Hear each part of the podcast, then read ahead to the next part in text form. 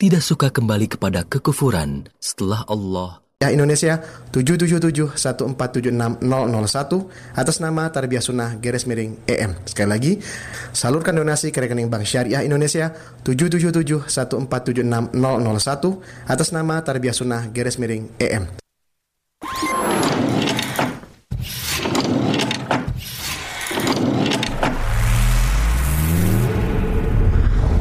Tarbiyah Sunnah Channel. Lillah Nyunnah Merenah. Assalamualaikum warahmatullahi wabarakatuh. Alhamdulillah Alhamdulillah hamdan kathiran taiban mubarakan fi kama yuhibu rabbuna wa yarda. Asyhadu an la ilaha illallah wa la syarikalah wa asyhadu anna Muhammadan abduhu wa rasuluh.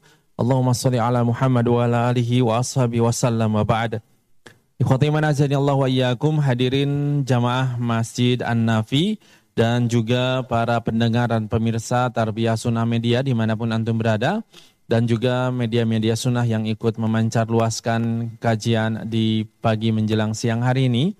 Insya Allah sesaat lagi kita akan menyimak kajian Islam ilmiah pembahasan 40 hadis seputar anak bersama Al-Ustadz Yusuf Abu Ubaidah Asidawi Hafizahullah Ta'ala. Kajian ini kami siarkan langsung dari Masjid An-Nafi di Dago Pakar Permai, Kota Bandung. Dan para pendengar dan pemirsa di mana pun antum berada, Alhamdulillah Al-Ustaz Yusuf Abu Ubaidah Asidawi Hafizahullah sudah bersama dengan jamaah di Masjid An-Nafi Bandung. Mari kita langsung saja simak kajian Islam ilmiah pembahasan 40 hadis seputar anak. Kami segenap kru yang bertugas mengucapkan selamat menyimak dan kepada Ustadz kami persilakan. Faliyatafaddal masykurah.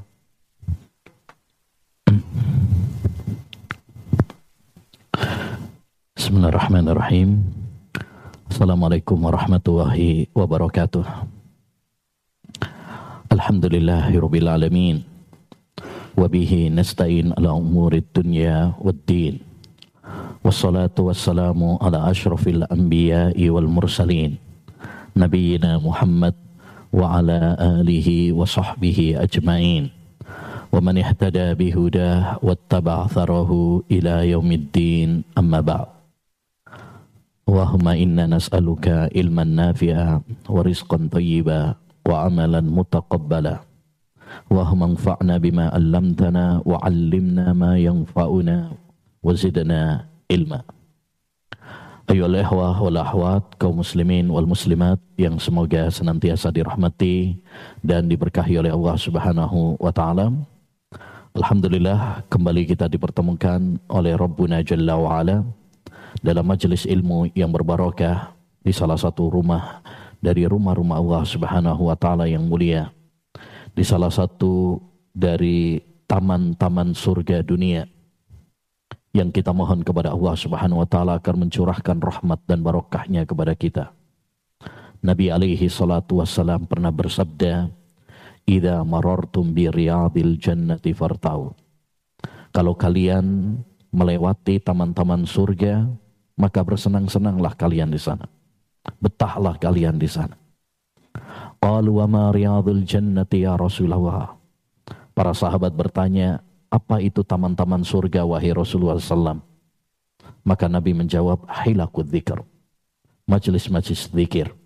Majelis-majelis yang mengingatkan kita kepada Allah Subhanahu wa taala. Majelis-majelis yang mengingatkan kita kepada akhirat majelis-majelis yang menambah iman, menambah takwa, menambah ilmu yang bermanfaat bagi kita semuanya. Inilah majelisnya para ulama, yaitu majelis-majelis akhirat, bukan majelis-majelis dunia. Ikhwani wa akhwati fillah rahimani wa rahimakumullah. Insyaallah taala kita akan melanjutkan kajian pembahasan kita pada pembahasan 40 hadis seputar anak di mana kita telah sampai pada hadis yang ke 11 ya. Nah, Bismillahirrahmanirrahim. Hadis yang ke-11 yaitu tentang melatih anak untuk berpuasa. Anir Rubayyi binti Muawwid radhiyallahu anha dari Rubayyi binti Muawwid. Semoga Allah Subhanahu wa taala meridhoinya. Ini salah seorang sahabiyah, wanita sahabat Nabi alaihi salatu wassalam. Dan sahabat adalah setiap orang yang berjumpa dengan Nabi alaihi salatu wassalam dan beriman kepada Nabi alaihi salatu wassalam dan dia mati dalam keimanan. Itu definisi sahabat. Siapa yang berjumpa dengan Nabi, beriman kepada Nabi dan mati dalam keimanan, baik pria maupun wanita. Bahkan para ulama mengatakan baik manusia maupun jin. Jadi jin juga ada sahabat ya, cuma kita nggak tahu nama satu persatunya. Ada di kalangan jin juga yang beriman kepada Nabi alaihi salatu wassalam, bertemu dengan Nabi, maka mereka juga disebut sebagai sahabat. Dan para sahabat, sebagaimana kita tahu semuanya, adalah orang-orang pilihan yang diridhoi oleh Allah Subhanahu wa taala. Sebagaimana dalam surat At-Taubah ayat 100, radhiyallahu anhum wa radu'an. Allah ridho kepada mereka dan mereka pun ridho kepadanya. Itulah kenapa para ulama ketika mendoakan para sahabat memilih doanya dengan kalimat apa? radhiyallahu anhu, radhiyallahu anhum, radhiyallahu anha. Ya, kenapa pakai doa ini? Diambil dari surat At-Taubah ayat 100 itu. Di mana Allah menegaskan bahwa Allah telah ridho kepada mereka. Nabi pun juga telah menegaskan bahwa para sahabat adalah manusia-manusia terbaik. Khairun nasi korni. Sebaik-baik manusia adalah generasiku, yaitu para sahabat. Oleh karenanya wajib bagi kita untuk mencintai para sahabat. Dan haram bagi kita untuk membenci para sahabat, mencela para sahabat. Kata Nabi alaihi salatu wassalam, Hubbul ansari iman, wa buhduhum nifaq.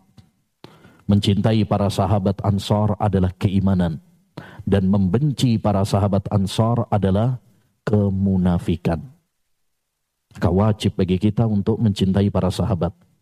Dan hati-hati dari mencela para sahabat. Walaupun seorang dari mereka. Walaupun nggak harus gak harus semuanya. Satu saja kita mencela para sahabat Nabi Shallallahu Alaihi Wasallam maka itu adalah tanda kemunafikan. Dan dosa besar. Bahkan Nabi pernah bersabda man sabba ashabi fa'alaihi la'natullah wal malaika wan nasi ajmain Siapa yang mencela para sahabatku, maka baginya adalah laknat dari Allah laknat para malaikat dan laknat semua manusia. Ya, ini saya tekankan karena baru tadi malam saya baca ada salah satu ya uh, cuitan dari salah seorang ya yang mencela para sahabat Nabi Sallallahu Alaihi Wasallam yaitu sahabat Muawiyah dia menggambarkan bahwasanya mengatakan bahwasanya Muawiyah adalah pemimpin brutal yang membunuh cucu Nabi Shallallahu Alaihi Wasallam. Ya, tentu ini adalah celaan kepada sahabat Muawiyah. Nah, Muawiyah sahabat Nabi dan dia sekretaris Nabi SAW. Ya, sekretaris Nabi alaihi wassalam. Mengatakan bahwasanya dia adalah pemimpin brutal celaan. Ya, dan mengatakan bahwa dia pembunuh cucu Nabi kebohongan. Muawiyah itu wafat tahun 60. Husain yang dia maksud mungkin cucu Nabi yang terbunuh itu kan Husain ya. Kemungkinan besar yang dimaksud adalah ya Husain terbunuh wafat ya 61. Bagaimana mungkin Muawiyah yang sudah meninggal dunia ya membunuh Husain? Tentu ini adalah suatu kebohongan ya suatu kebohongan dan ini akan diminta pertanggungjawabannya di hadapan Allah Subhanahu wa taala. Kalau Nabi SAW saja bersabda mengqala fi mu'minin ma laysa fi khubisa fi radqatil ghabal. Siapa yang menuduh seorang mukmin dengan tuduhan dusta, maka dia nanti akan dipenjara, ditahan di lumpurnya ya eh, neraka. Ya, dia akan diberi minuman-minuman dari keringat-keringatnya penduduk neraka. Itu kalau menuduh orang beriman secara umum. Bagaimana kalau menuduh sahabat-sahabat Nabi alaihi salatu wassalam. Walhasil ayyul ihwah yang ingin kita tekankan di sini adalah wajib bagi kita untuk mencintai para sahabat. Hati-hati dari pemikiran-pemikiran yang membenci, melaknat, menuduh para sahabat yang bukan-bukan. Dan ini perlu kita tanamkan. Ya, salah satu pelajaran penting karena kita membahas tentang pendidikan anak, tanamkan hal ini kepada anak-anak kita. Ya, tanamkan kepada anak-anak kita agar mereka cinta kepada para sahabat. Cinta kepada Abu Bakar, cinta kepada Umar. Ya, eh, tanamkan kepada mereka bahwa termasuk dosa besar kalau kita membenci dan menuduh para sahabat. Dahulu Al-Imam Malik, gurunya Imam Syafi'i, beliau pernah mengatakan, Kana salafu yu'allimuna awladahum hubba Abi Bakrin wa Umar kama yu'allimunahum suratan minal Qur'an. Adalah para salaf, para pendahulu kita, para sahabat, para tabi'in. Mereka mengajarkan dan menanamkan kepada anak-anak mereka cinta kepada Abu Bakar dan Umar. Sebagaimana mereka mengajarkan kepada anak-anak mereka sebuah surat dalam Al-Quran. yakni mengajarkan Quran. Artinya para sahabat itu para salaf kita dahulu, mereka mengajarkan kepada anak-anak akidah cinta kepada para sahabat sebagaimana mengajari mereka Al-Qur'an. Maka ini perlu kita tanamkan kepada uh, apa anak-anak kita ya supaya mereka menjadi pribadi-pribadi yang berakidah, yang lurus dan jauh dari pemikiran-pemikiran yang menyimpang ya seperti pemikiran-pemikiran Syiah ya pemikiran Syiah yang sangat benci kepada para sahabat Nabi alaihi salatu wassalam atau orang-orang yang uh, orientalis yang benci kepada para sahabat Nabi sallallahu alaihi wasallam. Ya belikan untuk anak-anak kita buku-buku kisah sekarang banyak ya tapi yang terpercaya kisah-kisah para nabi, kisah-kisah para sahabat supaya anak kita ini apa? punya uh, idola yang benar. Banyak anak-anak kita sekarang ini nggak punya idola yang benar. Idolanya ya youtuber karena kalau youtuber apal pemain bola apal ditanya tentang sahabat Nabi Sallam para nabi belum tentu tahu. Nah ini ini tugas kita sebagai orang tua untuk menanamkan. Kalau kita nggak bisa ngajari paling tidak belikan buku-buku. Ya belikan buku-buku untuk mereka. Ya. Nah. Qalat. Beliau mengatakan yakni Rubayyi binti Muawwid Beliau mengatakan, Arsalan Nabi sallallahu alaihi wasallam ghadata Ashura ila Qural Ansar. Rasulullah SAW mengutus seorang utusan pada pagi hari Ashura. Ashura itu tanggal berapa? Ashura. 10 Muharram. 10 Muharram. Ke desa-desa Ansar. Man asbaha muftiran falyutimma baqiyata yaumih Barang siapa yang di pagi hari ini tidak berpuasa, maka hendaknya dia berpuasa di sisa hari ini. Waman asbaha iman falyasum dan barang siapa yang berpuasa, maka hendaknya dia melanjutkan. Qalat fakunna nasumuhu ba'du. Kata Rubayyi, maka kami berpuasa Asyura setelah itu. Wa nusawwimu sibyanana. Dan kami melatih anak-anak kami untuk puasa Asyura. Untuk puasa Asyura. Ini yang menjadi pembahasan ya. Bagaimana dulu wanita-wanita salaf, wanita-wanita sahabat melatih anak-anak mereka untuk ber, berpuasa wa lu'bata minal ihni. Ya. Dan kami buatkan untuk mereka mainan yang terbuat dari kapas. Ya namanya anak-anak. Kalau untuk puasa nggak makan berat juga. Sehingga butuh dikasih apa? Mainan. Supaya apa? Tujuannya lanjutan hadisnya faida baka ahaduhum ala to'am kalau salah seorang di antara mereka nangis karena kelaparan minta jajan minta makan ya a'tainahu dzaka kami berikan kepada anak kami apa mainan tersebut hatta yakuna indal iftar hingga tiba waktu berbuka. Artinya wanita-wanita sahabiyah dahulu melatih anak mereka untuk puasa Asyura. Kemudian bikinkan mainan. Kalau anaknya nangis, minta jajan, minta makan, dikasih mainan tersebut supaya lupa sama laparnya. Ya, kalau sudah mainan itu kan biasanya apa? Lupa itu. Sampai adzan maghrib. Baik. Hadis ini ayyul ihwah memberikan kepada kita beberapa faedah. Faedah yang pertama adalah anjuran atau disyariatkannya puasa untuk anak-anak. Anjuran atau disyariatkannya berpuasa untuk anak-anak. Jadi kalau misalkan anak-anak berpuasa sah tidak? Sah. Syaratnya kalau mereka sudah mumayyiz. Kalau sudah mumayyiz. Apa mumayyiz itu? Sudah berumur tujuh tahun. Sudah berumur tujuh tahun. Sudah bisa membedakan ya sudah bisa membedakan yaitu kalau sudah berumur tujuh tahun. Adapun apabila kurang dari tujuh tahun maka ya masih belum sah untuk sholat dan untuk berpuasa karena belum ada niat. Tapi kalau sudah tujuh tahun ya dilatih untuk berpuasa maka tidak mengapa ya tidak mengapa dengan catatan juga apabila anak tersebut kuat artinya jangan maksa juga Ya anak sekarat tetap harus puasa juga. Jangan. Karena ini tujuan kita hanyalah untuk apa? Melatih.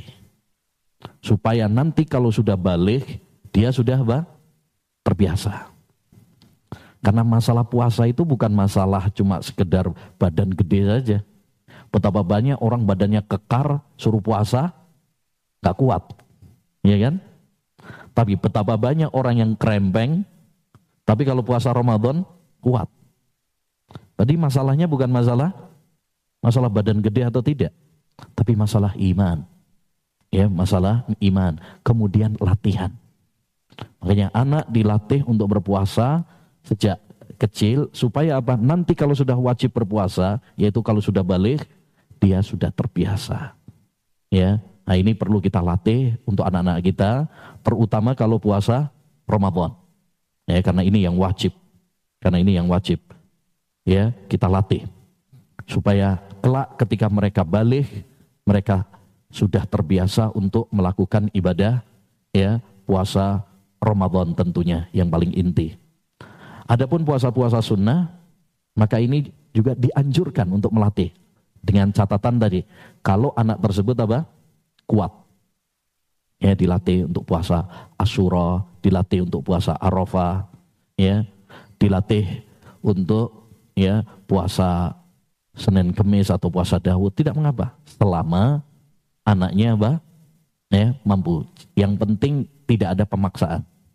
Tidak ada pemaksaan dan jangan sampai memadorotkan membahayakan mereka udah tahu mereka udah nggak kuat udah mau pingsan ya kata bapaknya pokoknya harus kuat nah ini nggak boleh juga nggak boleh karena Allah Subhanahu wa taala mengatakan wala tulku biaidikum ila tahluka. Jangan menjerumuskan diri kalian kepada kebinasaan. Wala taqtulu anfusakum. Jangan membunuh diri kalian. Orang dewasa saja kalau betul-betul tidak kuat, kalau sampai sekarat, wajib buka puasa untuk menyelamatkan apa? nyawa. Apalagi untuk anak-anak. Apalagi untuk anak-anak.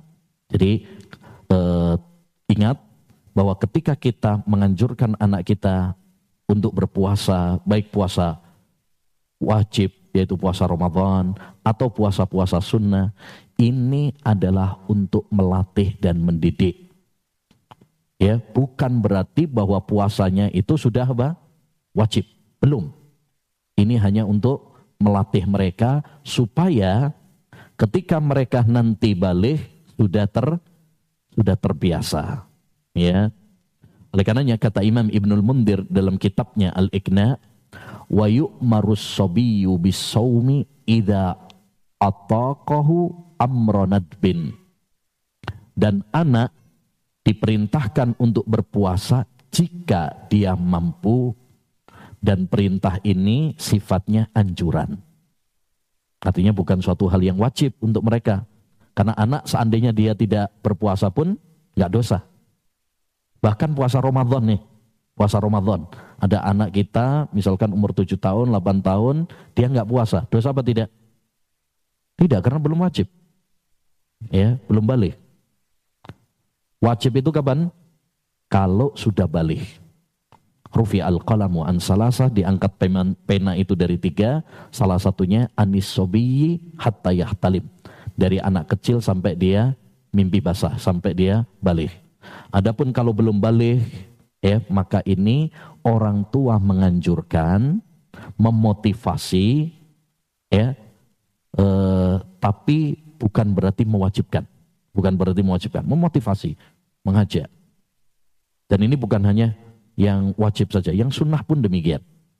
Makanya dulu diceritakan bahwa uh, salah seorang tabiin yang mulia dia mengatakan aikidu khodamakum wa auladakum ya li as li sahri ya yauma arafah bangunkan anak-anak kalian untuk sahur hari Arafah. Maksudnya bangunkan mereka untuk sahur hari Arafah untuk melatih mereka apa? Puasa Arafah. Padahal puasa Arafah sunnah, tidak wajib. Jadi intinya ini anjuran bagi orang tua juga untuk melatih anak-anak mereka puasa, baik puasa yang wajib yaitu puasa Ramadan atau melatih mereka puasa sunnah seperti di sini puasa Asyura atau juga puasa uh, Arafah ya dengan catatan tadi satu anak tersebut kuat. Jangan sampai ada pemaksaan. Jangan sampai membahayakan mereka. Nggak kuat tapi tetap dipaksa puasa. Jangan. Yang kedua mereka sudah mumayyiz. Mumayyiz itu kalau sudah berumur tujuh tahun lebih kalau kurang daripada itu, maka itu belum sah. Puasanya belum sah. Sholatnya belum belum sah. Baik. Dari hadis ini juga dapat kita ambil faedah. Yaitu cerdasnya wanita-wanita sahabiyah dahulu. Dalam mendidik anak. Perhatian mereka dalam mendidik anak. Sehingga mereka ketika melatih anak-anak mereka untuk puasa, mereka ngasih apa? Mainan. Karena dunia anak beda sama orang dewasa. Kalau orang dewasa kelaparan masuk dikasih mainan. Ya. Kalau anak-anak butuh mainan. Ya, butuh mainan. Untuk mengalihkan perhatian mereka dari minta jajan dan minta makan tadi. Karena biasanya anak-anak dunianya main. Kalau udah main lupa ya lupa sama makanan, lupa sama ya jajannya. Oleh karenanya ini perlu ditiru oleh para umahat, para ahwat, ya para ibu, ya bahwasanya mereka memiliki peran yang sangat besar dalam mendidik anak-anak mereka. Sebab ibu itu yang paling dekat dan paling sering berinteraksi dengan anak. Kalau bapaknya kan seringnya keluar. Seringnya keluar kerja ya dan lain sebagainya. Tapi yang paling sering di rumah adalah ibunya. Makanya yang paling punya peran besar dalam mendidik anak, ya mengasuh anak adalah ibu. Dahulu wanita-wanita salaf sangat perhatian dalam pendidikan anak-anak mereka. Sehingga lahir ulama-ulama besar. Kita kenal Imam Syafi'i, Imam Ahmad. Siapa yang didik mereka? Mereka lahir yatim. Imam Ahmad, Imam Syafi'i itu yatim. Ditinggal oleh ayahnya tatkala mereka masih bayi, mereka masih kecil. Yang didik siapa? Ibunya. Makanya ada buku yang ditulis uh, ya oleh sebagian ustadz, ibunda para ulama. Ibunda para ulama. Itu berisi tentang peran para ibu dalam mendidik ya anak sehingga menghasilkan, membuahkan ya lahirnya para ulama-ulama besar. Semisal Imam Syafi'i, semisal Imam Ahmad, semisal Imam Malik, semisal Imam Sufyan Ats-Tsauri. Ya, kalau kita lihat di zaman sekarang juga Syekh bin Bas, ada Syekh Abdurrahman As-Sa'di, itu rata-rata mereka yatim. Yang didik siapa? Ibunya. Yang didik adalah ibunya. Makanya ya peran seorang ibu sangat besar. Al-ummu madrasatun idza a'dattaha a'datta syi'ban tibal a'raqi. Kata seorang penyair, ibu adalah madrasah. Sekolahan. Kalau kamu mempersiapkan ibu dengan baik, berarti kamu telah mempersiapkan generasi yang tangguh. Generasi yang tangguh. Ya, kalau ibunya baik, dia bisa mendidik anaknya, maka insya Allah akan menghasilkan anak-anak generasi-generasi yang tangguh. Tape. Berikutnya.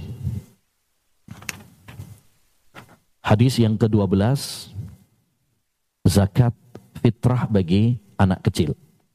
Ani bin Umar radhiyallahu anhu anhuma qala dari sahabat Ibnu Umar. Semoga Allah Subhanahu wa taala meridhoi keduanya. Kenapa kita mendoakan dengan keduanya?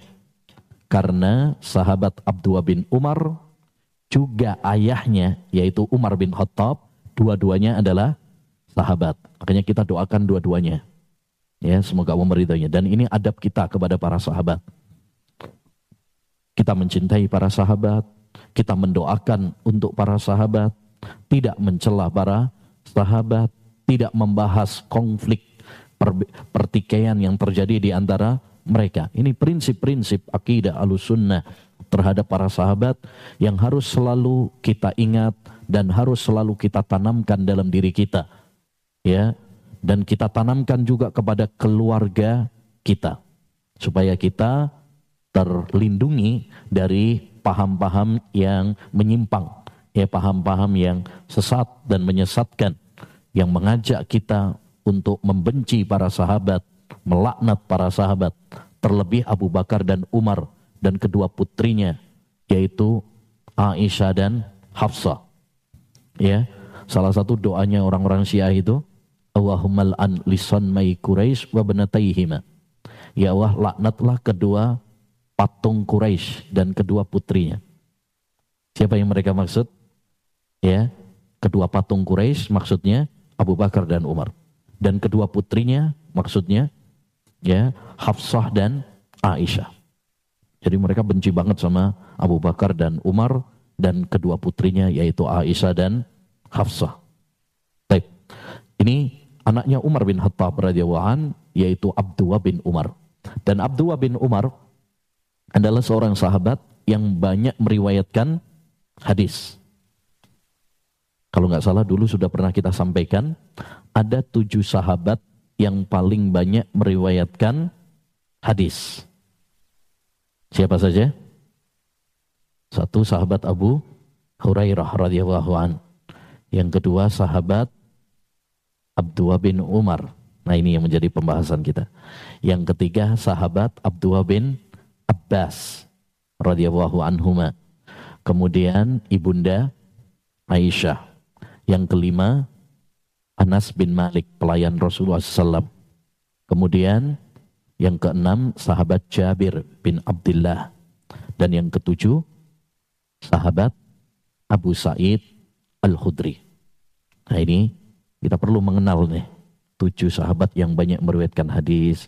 Kita perlu mengenal sepuluh sahabat yang dijamin masuk surga. Kita perlu mengenal ya siapa istri-istri Nabi.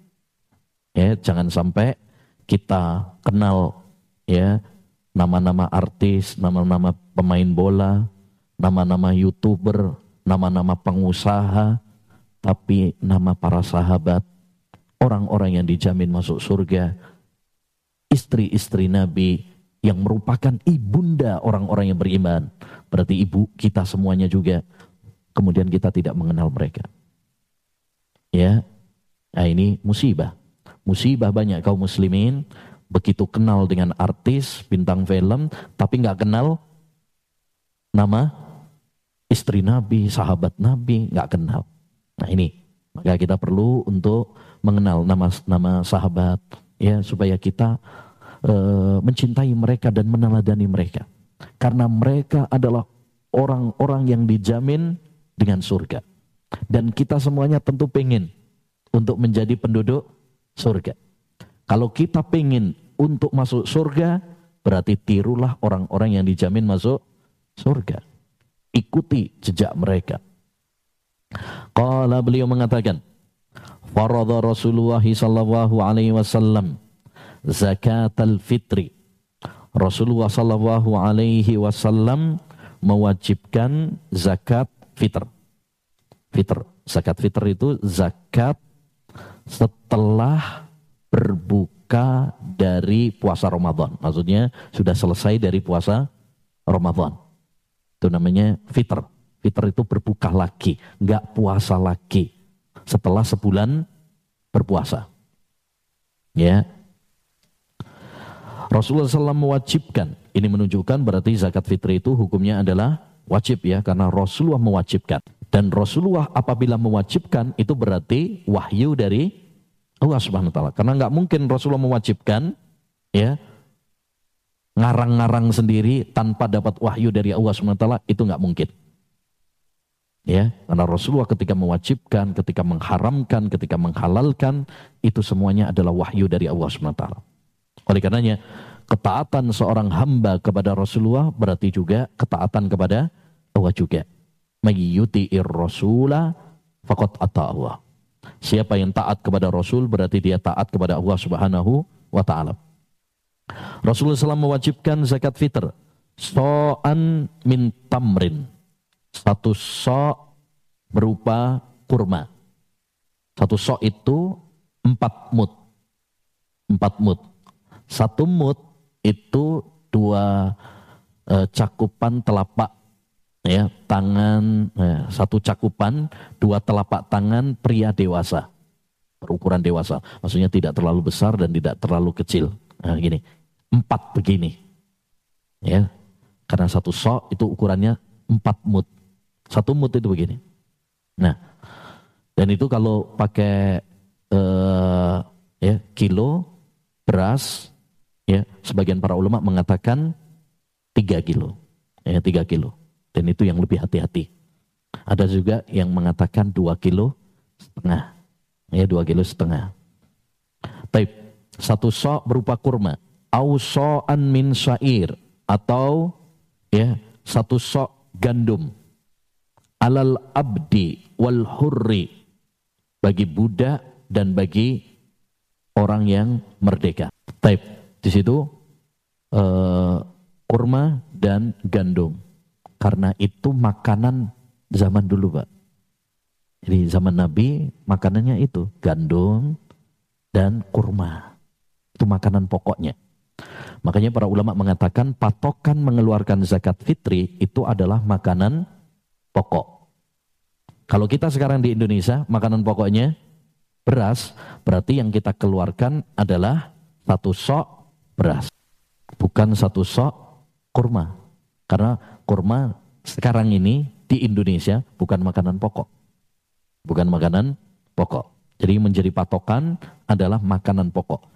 Karena dalam hadis yang lain yaitu hadis Abu Sa'id Al-Khudri dijelaskan wa kana ta'amuna yauma idin dan itu adalah makanan pokok kami pada saat itu. Jadi pada saat itu makanan pokok kami apa? Ya, gandum dan makanan pokok kami adalah kurma. Maka yang menjadi patokan adalah makanan pokok. Oleh karenanya zakat fitri, kita mengeluarkan zakat fitri mm, eh, berupa beras, itu bukan bid'ah. Ada sebagian orang bilang zakat fitri dengan beras bid'ah. Ya, nggak ada tuntunannya dari Nabi. Karena Nabi dulu nggak mengeluarkan zakat fitri dengan beras. Ini bukan bid'ah, ada dalilnya. Tadi dalilnya yaitu apa? Makanan pokok makanan pokok. Nah, sekarang makanan pokok orang Indonesia adalah ya beras. Berarti itu ada dalilnya. Nah, wadzakari wal untha diwajibkan bagi budak, bagi orang merdeka, zakar wal unsa. Zakar itu adalah orang uh, pria dan wanita, was sohir wal kabir, anak kecil dan orang dewasa minal muslimin dari kalangan muslimin. Wa amara biha an tu'adda qabla hurujin nasi ila shalah. Dan Rasulullah SAW memerintahkan agar menunaikan zakat fitri itu sebelum manusia keluar menuju sholat. Yaitu sholat idul fitri. Taib. Hadis ini menunjukkan kepada kita beberapa faedah. Faedah yang pertama yaitu wajibnya mengeluarkan zakat fitri. Jadi zakat fitri itu hukumnya adalah wajib. Dan ini sudah menjadi kesepakatan para ulama bahwa zakat fitri hukumnya wajib. Tidak ada perselisihan di kalangan para ulama. Baik bagi orang dewasa maupun anak kecil. Ya, karena kita pembahasannya anak kecil ya. Jadi anak kecil pun wajib mengeluarkan zakat fitr.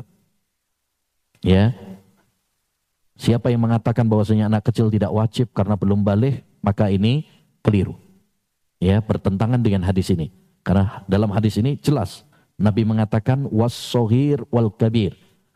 Rasulullah mewajibkan zakat fitri bagi anak-anak dan orang dewasa. Berarti anak-anak juga wajib. Ya. Taib. Bagaimana kalau masih dalam kandungan? Masih dalam kandungan. Apakah juga wajib dikeluarkan zakat fitri untuknya? Jawabannya tidak. Yang wajib di uh, orang tua mengeluarkan zakat fitri untuk anaknya itu kalau udah keluar. Bayi yang sudah keluar, nah itu sudah wajib Pak. Tapi kalau dia masih dalam kandungan, maka tidak wajib. Maka tidak wajib. Tapi boleh enggak mengeluarkan untuk janin? Boleh. Berdasarkan perbuatan sahabat Utsman bin Affan. Sahabat Utsman bin Affan ketika salah satu istrinya uh, hamil, mengandung, maka beliau mengeluarkan zakat fitri untuk janin yang ada di perut istrinya. Ya. Tapi ini kata para ulama hanya menunjukkan sunnah anjuran boleh tapi tidak sampai kepada hukum wajib. Yang wajib itu kalau sudah uh, sudah lahir, sudah lahir. Adapun masih dalam kandungan, ini kan kita belum tahu nanti lahirnya uh, hidup atau mati ya kita tidak tahu. Oleh karenanya belum diwajibkan karena dia belum dinamakan ya anak kecil.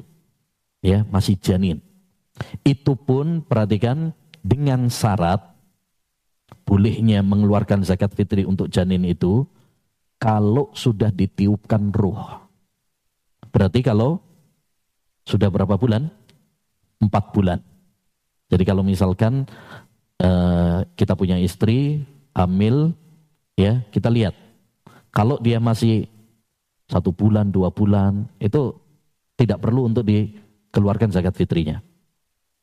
Ya, nggak perlu. Karena belum ditiupkan roh. Tapi kalau sudah lebih dari empat bulan, berarti sudah ditiupkan roh. Maka di sini boleh. Kalau misalkan kita mau mengeluarkan zakat fitri, boleh. Tapi kalau misalkan nggak mengeluarkan zakat fitri, boleh juga apa tidak? Boleh juga. Tidak mengapa. Belum wajib. Kapan wajibnya? Wajibnya kalau sudah lahir. Kalau lahir, maka wajib untuk mengeluarkan zakat fitri. Taib. Jadi hadis ini menunjukkan kepada kita wajibnya mengeluarkan zakat fitri baik untuk orang dewasa dan juga untuk anak-anak. Taib. Mungkin ada pertanyaan. Kalau kita mengeluarkan zakat fitri untuk anak-anak, pakai duitnya siapa? Apakah pakai duitnya anak-anak tersebut ataukah duit orang tuanya? Ya. Orang tuanya yang mengeluarkan atau anaknya? Orang tuanya? Taib. Kalau anak itu punya duit, maka diambilkan dari uang anaknya. Biasanya ada beberapa anak punya duit, apalagi pas Ramadan. Ya, dompetnya anak-anak malah tebel gitu. yang bapaknya yang kosong. Nah, jadi kalau anaknya punya duit, ya, mungkin ada beberapa anak, masya Allah, apalagi zaman sekarang ya, ya anak-anak sudah punya uh, penghasilan malah, ya, sudah punya penghasilan, dia malah jadi uh, apa namanya, sudah jadi bintang iklan, misalkan. Dia punya tabungan, ya diambilkan dari uangnya. Tapi kalau misalkan tidak punya, karena dia belum cari duit, belum kerja, maka itu tanggung jawab orang tua. Tapi kalau dia punya uang, maka diambilkan dari dari uangnya sendiri. Taib, kalau anak mengeluarkan zakat, ya mengeluarkan zakat, dia dapat pahala apa tidak? Ya, dapat pahala? Dapat pahala. Pahalanya untuk dia atau untuk orang tuanya? Kemarin sudah kita sampaikan ya sebelumnya. Pahal anak kecil apabila melakukan amal kebaikan, maka pahalanya adalah untuk anaknya.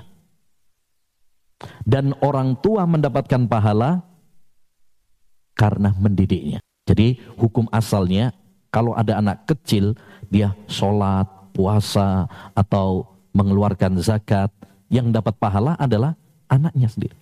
Orang tua bisa dapat pahala karena pahala mendidik.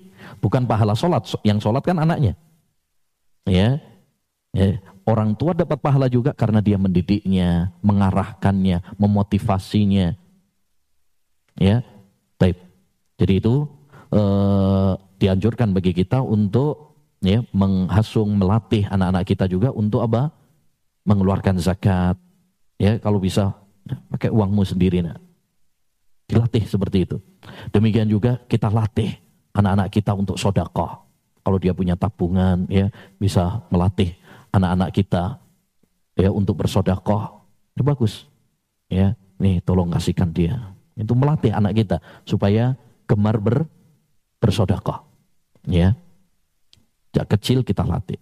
Tapi dari hadis ini juga dapat kita ambil faedah tentang ukuran zakat fitri, yaitu tadi berapa?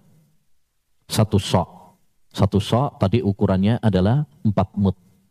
Empat mut. Satu mut itu adalah ya eh, satu cakupan dua telapak tangan orang dewasa yang berukuran sedang. Tidak terlalu besar dan tidak terlalu kecil. Dan itu kalau pakai kilo, berapa kilo? Ada yang mengatakan dua setengah kilo, ada yang mengatakan tiga kilo. Lebih hati-hati pakai tiga kilo. Sebagaimana fatwa lajna daimah. Taib. Kemudian juga di antara faedah dari hadis yang mulia ini adalah bahwa zakat fitri itu ya berupa makanan pokok.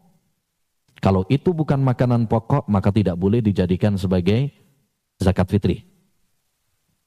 Dengan demikian, dari sini dapat kita ambil faedah, nggak boleh mengeluarkan zakat fitri pakai uang, karena uang bukan makanan pokok. Ya, ini ini pendapat jumhur ulama, mayoritas ulama, madhab Hanafi, madhab Hambali, madhab Syafi'i, madhab ya Maliki ya, ya empat, tiga madhab mengatakan tidak boleh mengeluarkan zakat fitri itu dengan dengan uang. Ada sebagian yang mengatakan boleh, tapi ini pendapat yang lemah, ya, yang lemah. Karena dalam hadis ini jelas Rasulullah mengatakan so'an min tamar, so'an min syair. Padahal uang sudah ada di zaman Nabi. Dinar, dirham sudah ada di zaman Nabi SAW. Ya, tapi Nabi SAW tidak memerintahkan kepada para sahabat untuk mengeluarkan zakat fitri berupa uang. Ini menunjukkan bahwa zakat fitri yang dikeluarkan adalah makanan pokok. Ya, makanan pokok. Kalau zaman Nabi makanan pokoknya adalah kurma dan gandum, ya itulah yang dikeluarkan. Kalau kita sekarang ya beras maka itu yang dikeluarkan karena makanan pokok kita beras. Berarti bid'ah dong Ustaz? Tidak. Karena hadisnya seperti itu. Wa kana yauma idzin. Ya, makanan pokok kami adalah itu. Berarti ini e, beru, bisa berubah tergantung perubahan zaman. Makanya kaidah para ulama Al-ahkam tataghayyar bitaghayyuri zamani wal makan. Hukum itu bisa berubah dengan perubahan waktu dan tempat. Ya. Nah, karena makanan pokok kita berbeda, yang menjadi patokan adalah makanan pokok dan itu bisa berbeda-beda antara satu waktu dengan ya waktu yang lain. Dan di antara faedah dari hadis yang mulia ini adalah bahwa zakat fitri itu untuk orang-orang muslim, muslimah minal muslimin. Adapun orang-orang kafir, maka tidak disyariatkan bagi mereka untuk mengeluarkan zakat fitri. Andaikan ada orang kafir mengeluarkan zakat fitri tidak diterima. Ada orang kafir nih, karena dia ya hidup di lingkungan muslim, misalkan ikut teraweh, kadang-kadang ada ya berita begitu. Nih, karena temennya uh, satu kos-kosan muslim semuanya ikut teraweh akhirnya daripada kesepian dia ikut sholat teraweh nggak diterima sholatnya begitu juga kalau misalkan dia hidup di komunitas muslim pada ikut uh, zakat fitri dia ikut-ikutan zakat fitri tidak diterima karena zakat fitri itu tujuannya adalah untuk membersihkan dari ya dosa-dosa. Nabi bersabda, Eh, dalam hadis Ibnu Abbas, faradha Rasulullah sallam zakatul fitri tuhratan lisaim wa tu'matan lil masakin. Rasulullah mewajibkan zakat fitri itu tujuannya dua. Satu, untuk membersihkan dosa-dosa orang yang berpuasa. Kalau orang kafir kan nggak berpuasa. Ya. Andaikan mereka berpuasa pun nggak diterima, nggak sah sampai mereka masuk Islam. Yang kedua, watu matan lil masakin dan tujuan yang kedua dari zakat fitri adalah memberi makan kepada fakir miskin. Karena Islam itu agama yang indah. Dia bukan hanya perhatian kepada hubungan seorang hamba dengan Allah saja, tapi dia juga per, e, perhatian dengan hubungan antara sesama manusia. Dengan kita memberi makan kepada fakir miskin, ya kita membantu mereka, membahagiakan mereka. Ya, Makanya seneng tuh orang fakir miskin kalau pas lagi ya akhir Ramadan. Ya, gak pakai beli beras. Buat mereka berbahagia. Ya, karena hari raya Idul Fitri adalah hari bahagia. Nah, dan di antara faedah juga dari hadis yang mulia ini adalah waktu mengeluarkan zakat fitri adalah waktu yang utama adalah sebelum keluarnya manusia menuju sholat. Berarti sebelum berangkat ke lapangan. Ya, sebelum berangkat ke lapangan. Baik. Dan waktu untuk mengeluarkan zakat fitri itu ada dua. Ada waktu yang utama, ada waktu yang boleh. Waktu yang utama adalah tadi sebelum berangkat ke lapangan. Dari habis subuh misalkan, kemudian kita berikan zakat fitri kita kepada fakir miskin, itu waktu paling utama, waktu yang afdal. Yang kedua, waktu yang boleh. Waktu yang boleh. Kapan waktu yang boleh? Waktu yang boleh adalah sehari atau dua hari sebelum Idul Fitri. Berarti tanggal 28 atau tanggal 29 itu sudah boleh kita untuk mengeluarkan zakat fitri. Sebagaimana dalam hadis Ibnu Umar. Bahwasanya dahulu ya para sahabat mengeluarkan zakat fitri sehari atau dua hari sebelum hari raya Idul Fitri. Jadi sudah boleh, Pak. Dan wallahu a'lam waktu yang paling tepat sekarang ini untuk mengeluarkan zakat fitri adalah malam hari raya. Malam hari raya. Kenapa demikian? Karena kalau setelah subuh sebelum hari raya Idul Fitri, sebelum berangkat, itu terlalu mepet. Ya, kita juga perlu persiapan untuk zakat fitri, ya apa? Perlu persiapan untuk ya, sholat Idul Fitri. Bisa ju jadi juga ketika kita nganter, ya, fakir miskinnya juga siap-siap sholat Idul Fitri. Malah mungkin sudah ke lapangan duluan malah. Ya. Nah, apalagi kalau kita sebagai panitia yang mungkin butuh waktu yang lama kalau membagikannya. Kalau seandainya membagikannya setelah subuh, ya tentu itu waktu yang mepet. Ya, waktu yang mepet. Makanya sebagian para ulama sekarang seperti Syekh Abdurrahman As-Sa'di mengatakan waktu yang paling utama sekarang adalah ya mal, uh, malam hari raya. Oleh karenanya kita lihat kaum muslimin malam hari raya itu berbondong-bondong. Dan itu syiar di antara syiar-syiar Islam. Karena waktunya juga lebih longgar. Ya, dan itu juga syiar di antara syiar-syiar Islam. Sehingga itu waktu yang tepat. Di sana ada suatu kaidah fikih. Kok Ustadz yang lebih utama tadi padahal dalam hadis kan sebelum keluar. Ya ada hadis, ada, ada kaidah yang disebutkan para ulama. Qad ya'ridu lil mafduli ma yaj'aluhu afdal minal fadil. Bisa jadi sesuatu yang kurang afdal lebih utama daripada yang lebih afdal karena adanya sebab. Betul, pada dasarnya waktu setelah subuh sebelum berangkat itu lebih utama pada dasarnya. Ya, tapi kaidah ini mengatakan apa? Bisa jadi yang kurang afdol mengalahkan yang lebih afdol karena adanya beberapa sebab. Nah, ini salah satu sebab yang tadi saya sampaikan. Kalau kita mengeluarkannya setelah subuh, itu waktunya terlalu mepet. Ya, waktunya terlalu mepet. Sehingga kalau kita mengeluarkannya malam hari raya, waktunya lebih longgar. Maka sebab inilah yang menjadikan dia lebih utama. Ya, sebab inilah yang menjadikan bahwa malam hari raya itu lebih utama. Seperti halnya begini. Para ulama mengatakan, mana yang lebih utama? saat kita mendengar adzan, mana yang lebih utama? Kita jawab adzan atau baca Quran? Ya? Jawab adzan. Padahal baca Al-Quran itu pahalanya lebih besar. Padahal lebih besar pahalanya. Satu huruf dilipat gandakan sepuluh kali lipat. Satu huruf. Bahkan zikir yang paling utama itu membaca Al-Quran. Tapi tetap para ulama mengatakan apa? Jawab adzan lebih utama. Kenapa? Karena ada sebab. Sebabnya apa? Sebabnya waktunya terbatas. Kalau kita baca Quran habis adzan masih bisa baca Quran lanjut. Tapi kalau jawab adzan selesai adzannya lewat waktunya. Di sinilah kemudian para ulama mengatakan apa? menjawab adzan saat kita mendengar adzan lebih utama, lebih ditekankan daripada baca Al-Quran. Padahal baca Al-Quran pada dasarnya lebih lebih utama.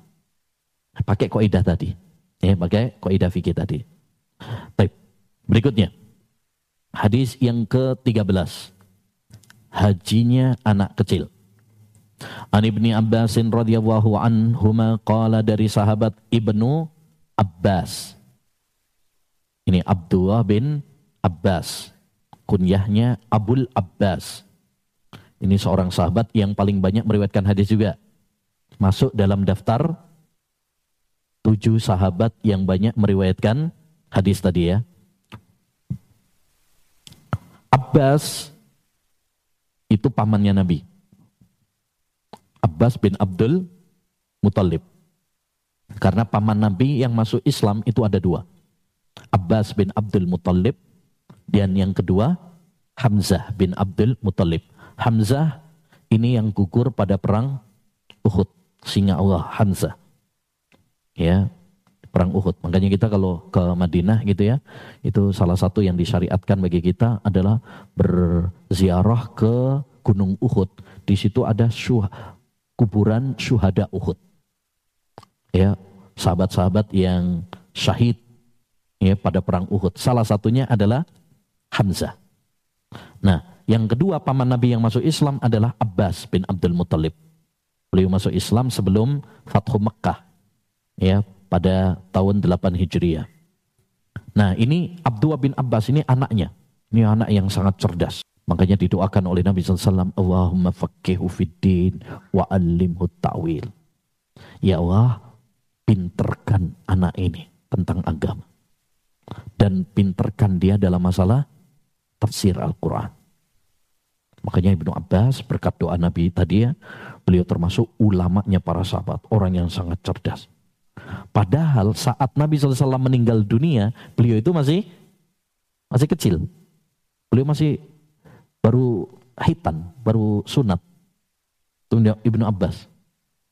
Tapi beliau dengan semangatnya yang luar biasa bisa mengalahkan ya banyak para sahabat yang lain.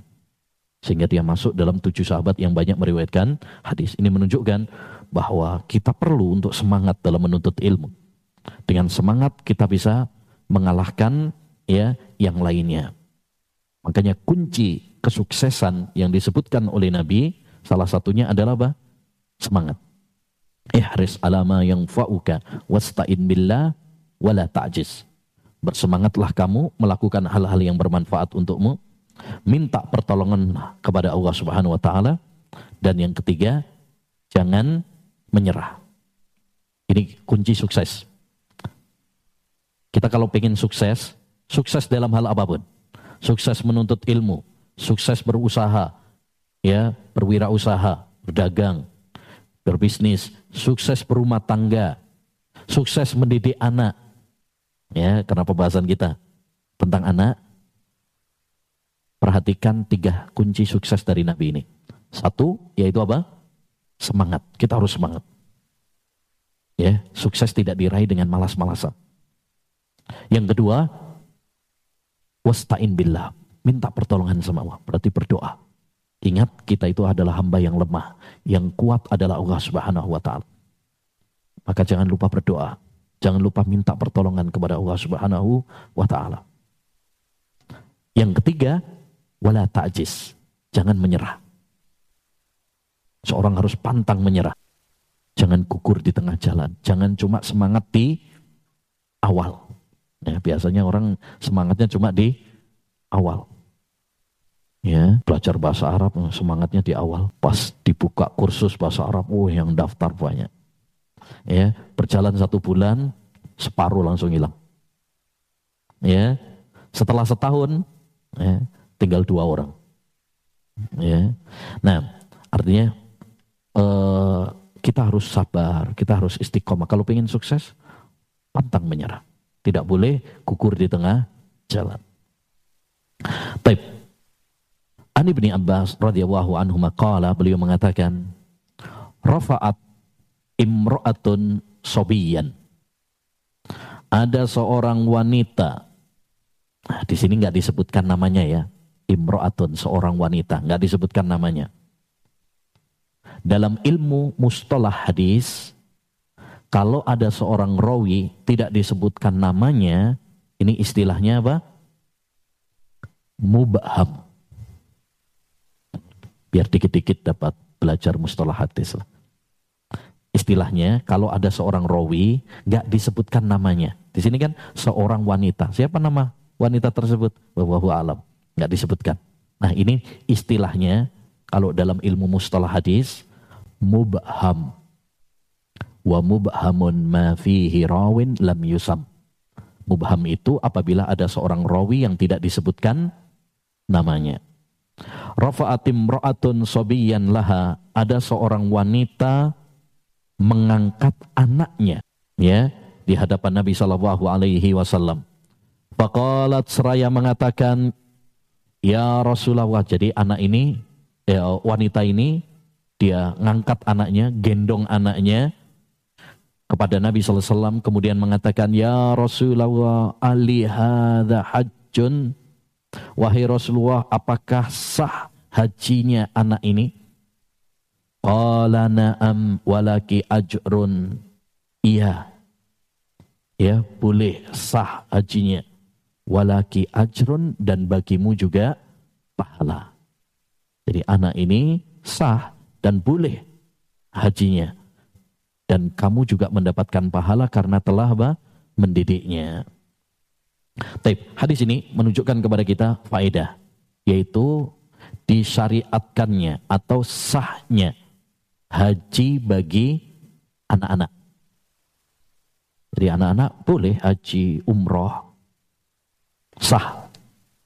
Bahkan saya tambahin di sini, walaupun dia belum mumayyiz. Berbeda dengan sholat, berbeda dengan puasa. Ya, ini perhatikan. Baik-baik, supaya tidak salah paham. Kalau sholat, puasa, itu disyaratkan mumayyiz. Baru sah. Sholatnya, puasanya, itu syaratnya mumayyiz. Kalau ada anak kita umur 2 tahun, 3 tahun sholat, itu belum sah. Karena belum ada niat. Tapi khusus untuk haji dan umroh, walaupun dia belum memayis, sah. Ini kekhususan untuk haji dan umroh. Berdasarkan hadis ini. Karena hadis ini, anak ini ngangkat sobi. Sobi itu belum memayis. Sobi itu masih anak-anak, masih kecil, masih bayi. Jadi anak e, perempuan ini gendong anaknya kepada Nabi SAW kemudian mengatakan apakah sah haji anak kecil ini masih bayi wahai Rasulullah? Ya kata Nabi apa? Sah. Sah ya belum wajib ya. Karena kalau wajib itu kalau sudah balik. Ya makanya para ulama juga sepakat. Kalau misalkan ada anak kecil walaupun dia belum memayis sah hajinya sah umrohnya. Tapi nanti kalau sudah balik dia tetap wajib menunaikan ibadah haji. Cuma kita berbicara tentang sah apa tidak. Jadi kalau ada mungkin misalkan sering kejadian itu adalah seorang eh, ingin berangkat haji atau umroh bawa anak. Ini anak satu-satunya. Mau dititipkan ya berat karena masih uh, masih kecil, misalkan setahun, dua tahun. Akhirnya dibawa umroh. Boleh? Boleh. Sah? Sah. Ya, hajinya atau umrohnya anak tersebut yang masih bayi pun sah. Saya dulu pernah berangkat umroh juga, ada salah satu yang bawa anak kecil, masih setahun gitu. Ya, ternyata tetap dibawa karena itu anak satu-satunya. Uniknya, sudah 15 tahun nikah belum dikasih anak. Baru setelah 15 tahun nikah dikasih anak sebagai wujud syukur bawa anaknya itu untuk umroh. Ya, untuk untuk umroh. Walhasil boleh ya seorang uh, umroh dengan anaknya atau haji dengan anaknya dan itu sah. Anak tersebut sudah mendapatkan pahala, tapi belum wajib. Karena wajibnya kapan? Kalau sudah balik. Makanya walaupun anak tersebut misalkan dia sudah pernah haji saat masih kecil, nanti kalau dia sudah balik tetap ada kewajiban untuk haji. Ya. Tapi intinya hadis ini menunjukkan apa? Bahwa kalau ada anak kecil, bahkan walaupun belum memayis, bahkan walaupun masih bayi, diajak untuk haji atau umroh, maka haji dan umrohnya anak kecil tersebut dan ini hukum khusus bagi haji dan umrah. Kalau ibadah-ibadah yang lain disyaratkan apa? Mumayyiz. Makanya para ulama, ibadah-ibadah itu disyaratkan Islam, disyaratkan balik, disyaratkan berakal, ya, disyaratkan tamyiz, kecuali haji dan umrah. Kecuali haji dan umrah. Berdasarkan hadis ini. Ya, berdasarkan hadis ini. Taib. Dan di antara faedah dari hadis yang mulia ini juga bahwa anak kecil anak kecil walaupun uh, ya apabila dia melakukan amal soleh, amal ibadah, maka dia mendapatkan pahala. Bukan pahalanya untuk orang tua ya, pahalanya untuk dia. Orang tua tetap mendapatkan pahala juga kalau orang tuanya mendidik. Dia dapat pahala mendidik anak. Dia dapat pahala memotivasi anak. Tapi pahala haji dan umrohnya anak, ya untuk anaknya sendiri. Pahala sholat dan puasanya, ya untuk anak itu sendiri.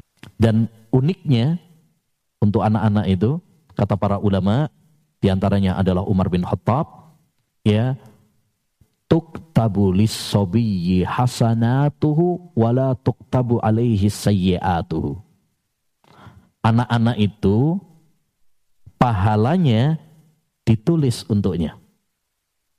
Tapi kalau dia melakukan dosa, nggak ditulis.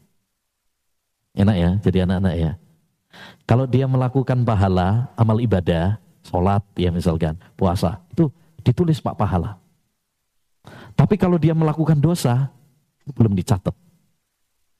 Itu makna perkataan para ulama, ya, uh, tuktabu lisobiyyi hasanatu wala tuktabu alaihi sayyiat. Kalau anak melakukan amal kebaikan, ya dia dicatat pahala. Tapi kalau dia melakukan dosa belum dicatat. Nah, maka ini menunjukkan luasnya rahmat Allah, kasih sayang Allah Subhanahu wa taala kepada hambanya. Ya, Allah itu sayang sama hambanya. Taib. Dan di antara faedah uh, taib dan uh, haji dan umroh untuk anak-anak ini jihadnya jihadnya anak-anak, jihadnya para wanita itu haji dan umrah. Disebutkan di dalam hadis, hadisnya sahih, jihadul kabiri was sahiri wal dhaif wal mar'ah al hajj wal umrah. Jihadnya orang yang sudah tua, jihadnya anak kecil, jihadnya wanita itu adalah haji dan umrah ya jihadnya orang tua, jihadnya anak kecil, jihadnya wanita itu adalah haji dan umroh. Karena mereka ini nggak bisa e, belum boleh untuk apa perang. Makanya kalau perang anak-anak nggak ikut perang, para wanita nggak ikut perang. Ya, orang tua lanjut usia nggak perang. Ya. Jihadnya mereka adalah haji dan umroh. Makanya dulu para salaf dahulu mereka kalau haji atau umroh, mereka membawa anak-anak mereka. Ya, supaya uh, mendapatkan apa? rahmat dari Allah Subhanahu wa taala. Karena kita tahu bahwa ketika orang itu haji dan umroh, mereka dalam ibadah yang sangat mulia, waktu yang mulia, tempat yang mulia. Ya, sehingga uh, diharapkan dengan mereka dibawa untuk haji dan umroh itu anak-anak tersebut mendapatkan apa? keberkahan ya mendapatkan keberkahan, mendapatkan rahmat dari Allah Subhanahu wa taala. Ya. Kata Imam Ibn Abdul Bar, "Wa hajjas salafu qadiman wa hadisan bisibyani wal atfal yu'arridunahum li rahmatillah." Para salaf dahulu ya semenjak dulu hingga sekarang mereka biasa haji bersama anak-anak supaya anak-anak tersebut mendapatkan rahmat dari Allah Subhanahu wa taala. Ya. Baik. Jadi kalau untuk umrah insya Allah masih mudah. Yang agak sulit zaman sekarang itu adalah haji. Yang agak sulit. Karena haji sekarang tentu berbeda dengan zaman dulu ya. Zaman sekarang eh, sangat padat, kredit sekali. Sehingga mungkin perlu dipertimbangkan ketika walaupun secara hukum boleh gitu ya secara hukum boleh bawa anak tapi karena kondisi sekarang ya eh, kredit sekali ya desak-desakan mungkin dikhawatirkan nanti tambah repot kalau bawa apa? Anak ya bawa anak. Sehingga perlu untuk dipertimbangkan. Kita tidak berbicara sah atau tidaknya. Sahnya sah. Tapi apakah eh, bagus untuk membawa anak-anak zaman sekarang untuk haji kalau untuk umrah insya Allah bisa. Terutama pas liburan itu insya Allah bisa. Ya, tapi kalau untuk haji itu biasanya apa? Kredit sekali. Ya, desek-desekan. Karena dari berbagai penjuru dunia. Sehingga perlu dipertimbangkan. Intinya hadis ini sekali lagi menunjukkan kepada kita apa? Sahnya hajinya atau umrohnya anak kecil. Ya, walaupun dia belum mumayyiz. Ya, belum mumayyiz. Tapi sekali lagi, kalau dia sudah balik tetap wajib untuk haji. Kalau dia mampu, wajib tentunya. Jadi itu sah tapi belum dianggap menggugurkan kewajiban. Ya, belum dianggap menggugurkan kewajiban. Kalau dia nanti balik, dia tetap wajib untuk berangkat haji jika mampu. dengan kesepakatan para ulama. Sebagaimana dinukil oleh Imam Ibnul Mundir dalam kitabnya Al-Ijma'. Baik, berikutnya hadis yang ke-14, hukum membunuh anak kecil dalam perang. Ini hadis an Abdullah dari Abdullah yakni Abdullah bin Umar radhiyallahu anhuma semoga Allah Subhanahu wa taala meridhoinya anna imra'atan wujidat fi ba'dhi maghazin nabiy sallallahu alaihi wasallam. Bahwasanya ada seorang wanita ditemukan dalam keadaan terbunuh di sebagian peperangan. Ya fa ankara Rasulullah sallallahu qatlan nisa'i wasibyan maka Rasulullah SAW mengingkari ya hal tersebut. Melarang dalam perang itu membunuh wanita dan anak-anak ya inilah keindahan agama Islam walaupun kondisi perang nggak boleh bunuh anak nggak boleh bunuh wanita maka hadis ini menunjukkan kepada kita satu larangan membunuh anak-anak dalam peperangan Demikian juga membunuh para wanita. Haram. Ya, tidak boleh. Kenapa? Para wanita dan anak-anak tidak boleh untuk dibunuh. Yang pertama, karena anak-anak itu mereka lahir dalam keadaan fitrah. Kullu mauludin yuladu alal fitrah. Bagaimana kita membunuh orang yang lahir dalam keadaan fitrah? Sedangkan perang itu untuk membunuh orang-orang kafir. Sedangkan anak-anak lahir dalam keadaan fitrah. Yang kedua, secara umum para wanita dan anak-anak itu tidak ikut perang secara umum. Ya, yang perang itu kan biasanya yang muda-muda, yang bertenaga. Adapun anak-anak, para wanita secara umum biasanya tidak ikut perang kecuali kalau anak-anak tersebut atau wanita-wanita tersebut dia ikut perang juga, maka ini diperbolehkan. Karena kan sulit membedakan kalau dalam medan perang. Tapi kalau misalkan dia nggak ikut perang, nah ini nggak boleh bagi kita untuk apa? Membunuh anak-anak, ya, membunuh para wanita. Siapa yang melakukan pembunuhan kepada anak-anak, membunuh uh, wanita ini berarti bukan perang, bukan jihad, ini pembantaian. Seperti yang dilakukan sekarang oleh orang-orang Yahudi, Zionis kepada saudara-saudara kita ya di Palestina. Banyak rakyat yang uh, rakyat yang menjadi korban. Ya, bahkan yang paling banyak adalah wanita dan anak-anak. Mana para prajurit yang kata mereka menjadi incaran mereka? Mana? Rata-rata yang menjadi korban malah anak-anak. Ya. Nah, bahkan e, mereka menghancur. Mari kita doakan juga semoga Allah taala ya menghancurkan orang-orang Yahudi ya dan menolong saudara-saudara kita di Palestina. Baik, berikutnya.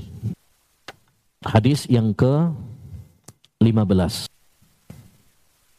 tentang hukum menikah ya menikahnya anak-anak boleh nggak nikah sama uh, nikah dini ya istilahnya kalau sekarang ya eh pernikahan dini pernikahan muda An Aisyah radhiyallahu anha dari Aisyah.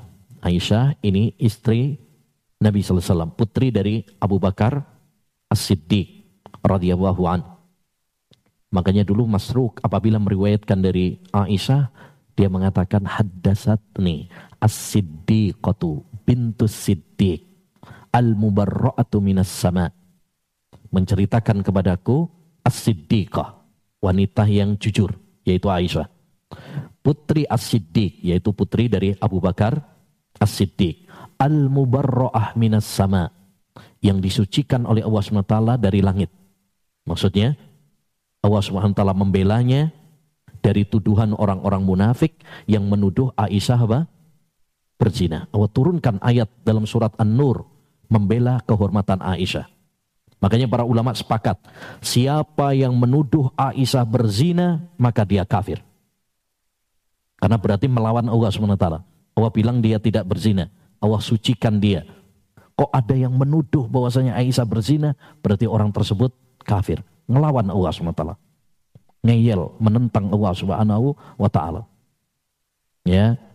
Nah, ini ini perbuatan orang-orang Syiah ya, yang melaknat Aisyah, menuduh Aisyah pembunuh Nabi, meracuni Nabi, dan lain sebagainya. Bahkan mereka berani memfonis Aisyah itu di neraka.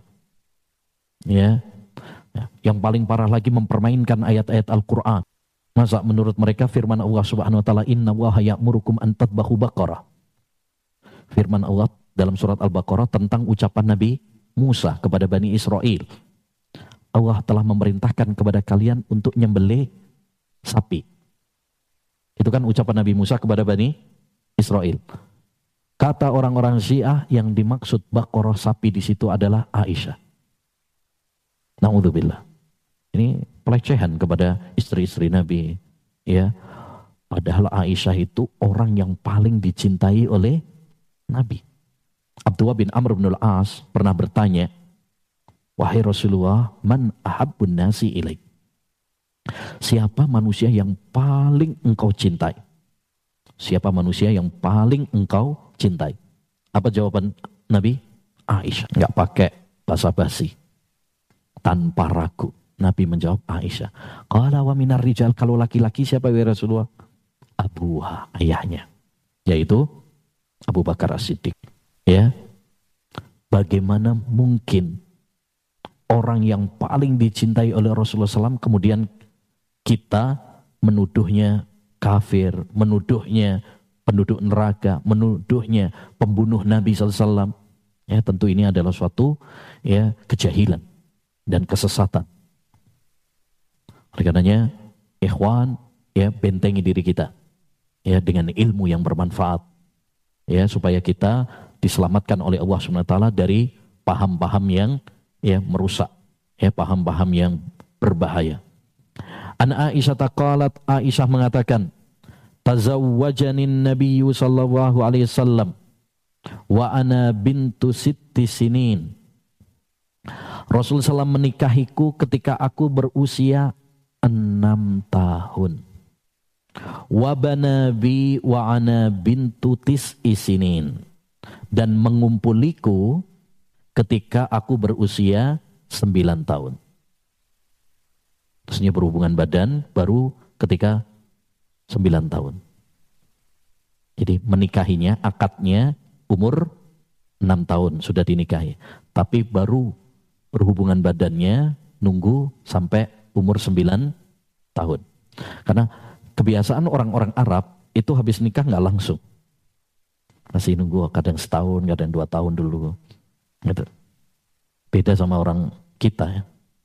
Ya, nikah pagi ya malam langsung biasanya. Ya udah malam pertama. Tapi kalau orang Arab biasanya enggak. Dia nikah eh, sekarang misalkan mungkin tahun depan atau dua tahun lagi baru kemudian apa?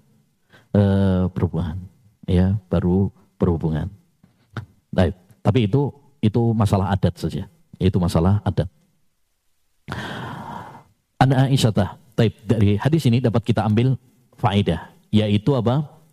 Bolehnya ya, bolehnya menikah dengan anak yang masih dini.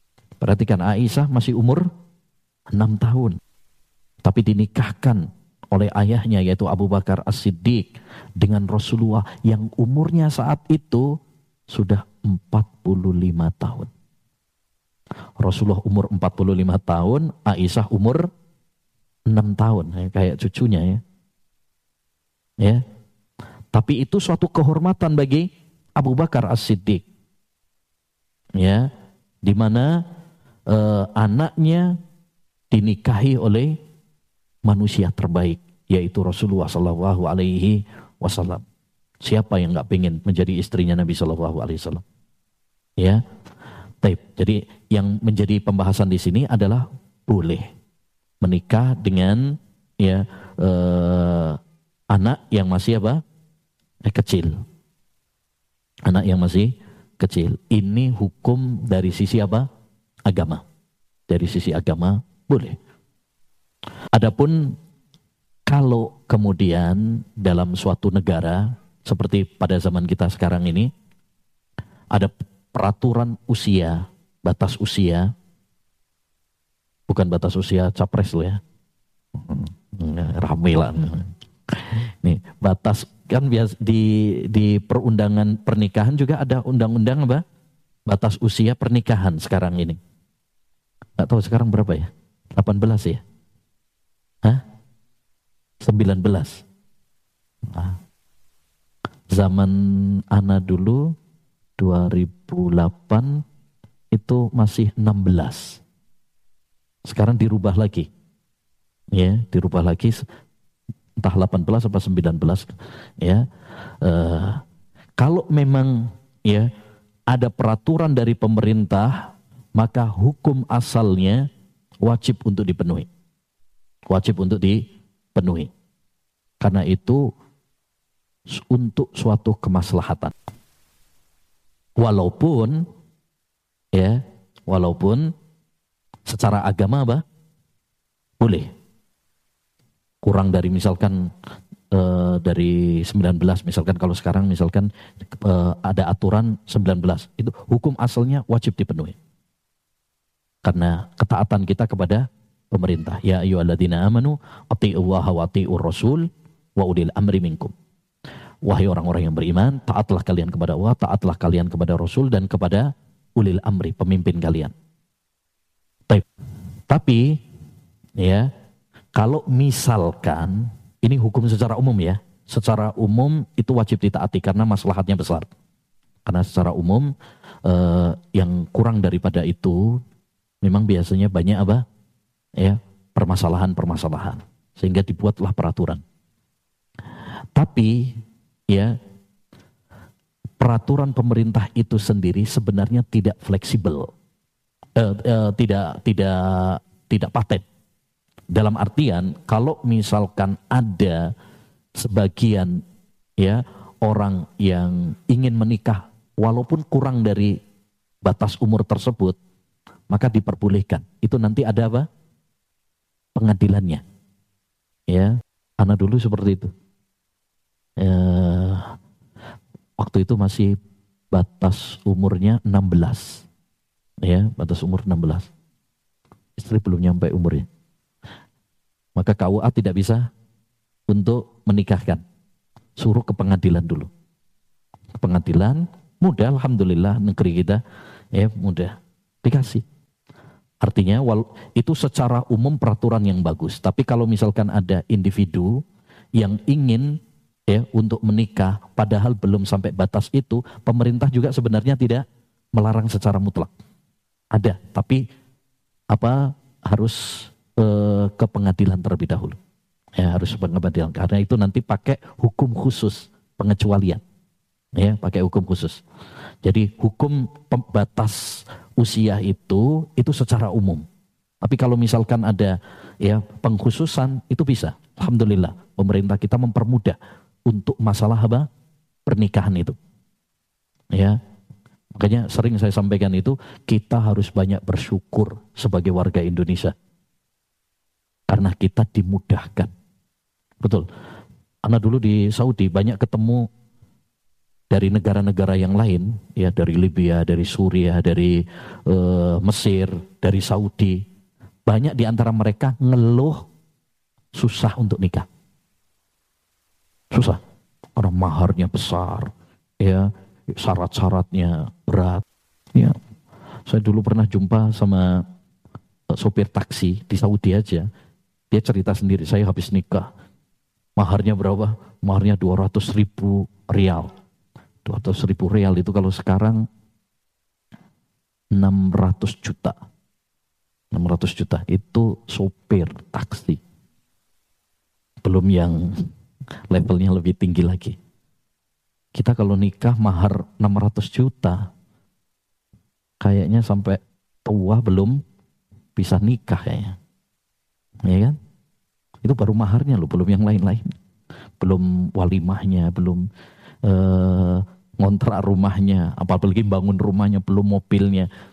Ya, makanya susah di sana. Ya, banyak eh, laki-laki yang akhirnya sampai tua pun nggak bisa nikah. Banyak wanita-wanita juga ya sampai tua nggak bisa nikah.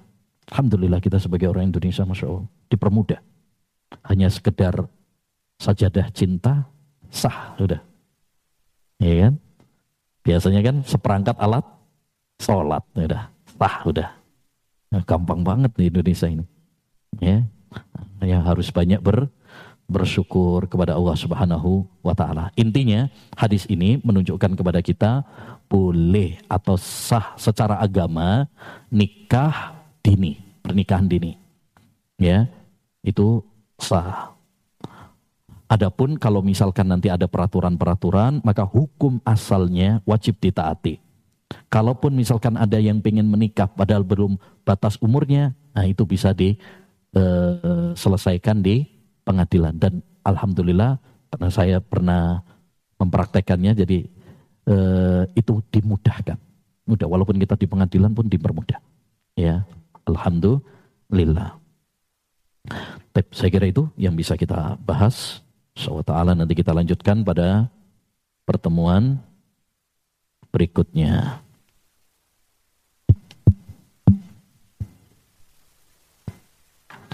Kita jawab beberapa pertanyaan terlebih dahulu. Mohon pen, uh, Bismillahirrahmanirrahim. Maaf di luar tema. Mohon penjelasan tentang kunut nazilah. Bolehkah dibaca ketika sholat munfarid atau harus dalam sholat berjamaah? Kunut nazilah itu kunut yang di lakukan ketika ada peristiwa besar yang menimpa kaum muslimin. Seperti peperangan.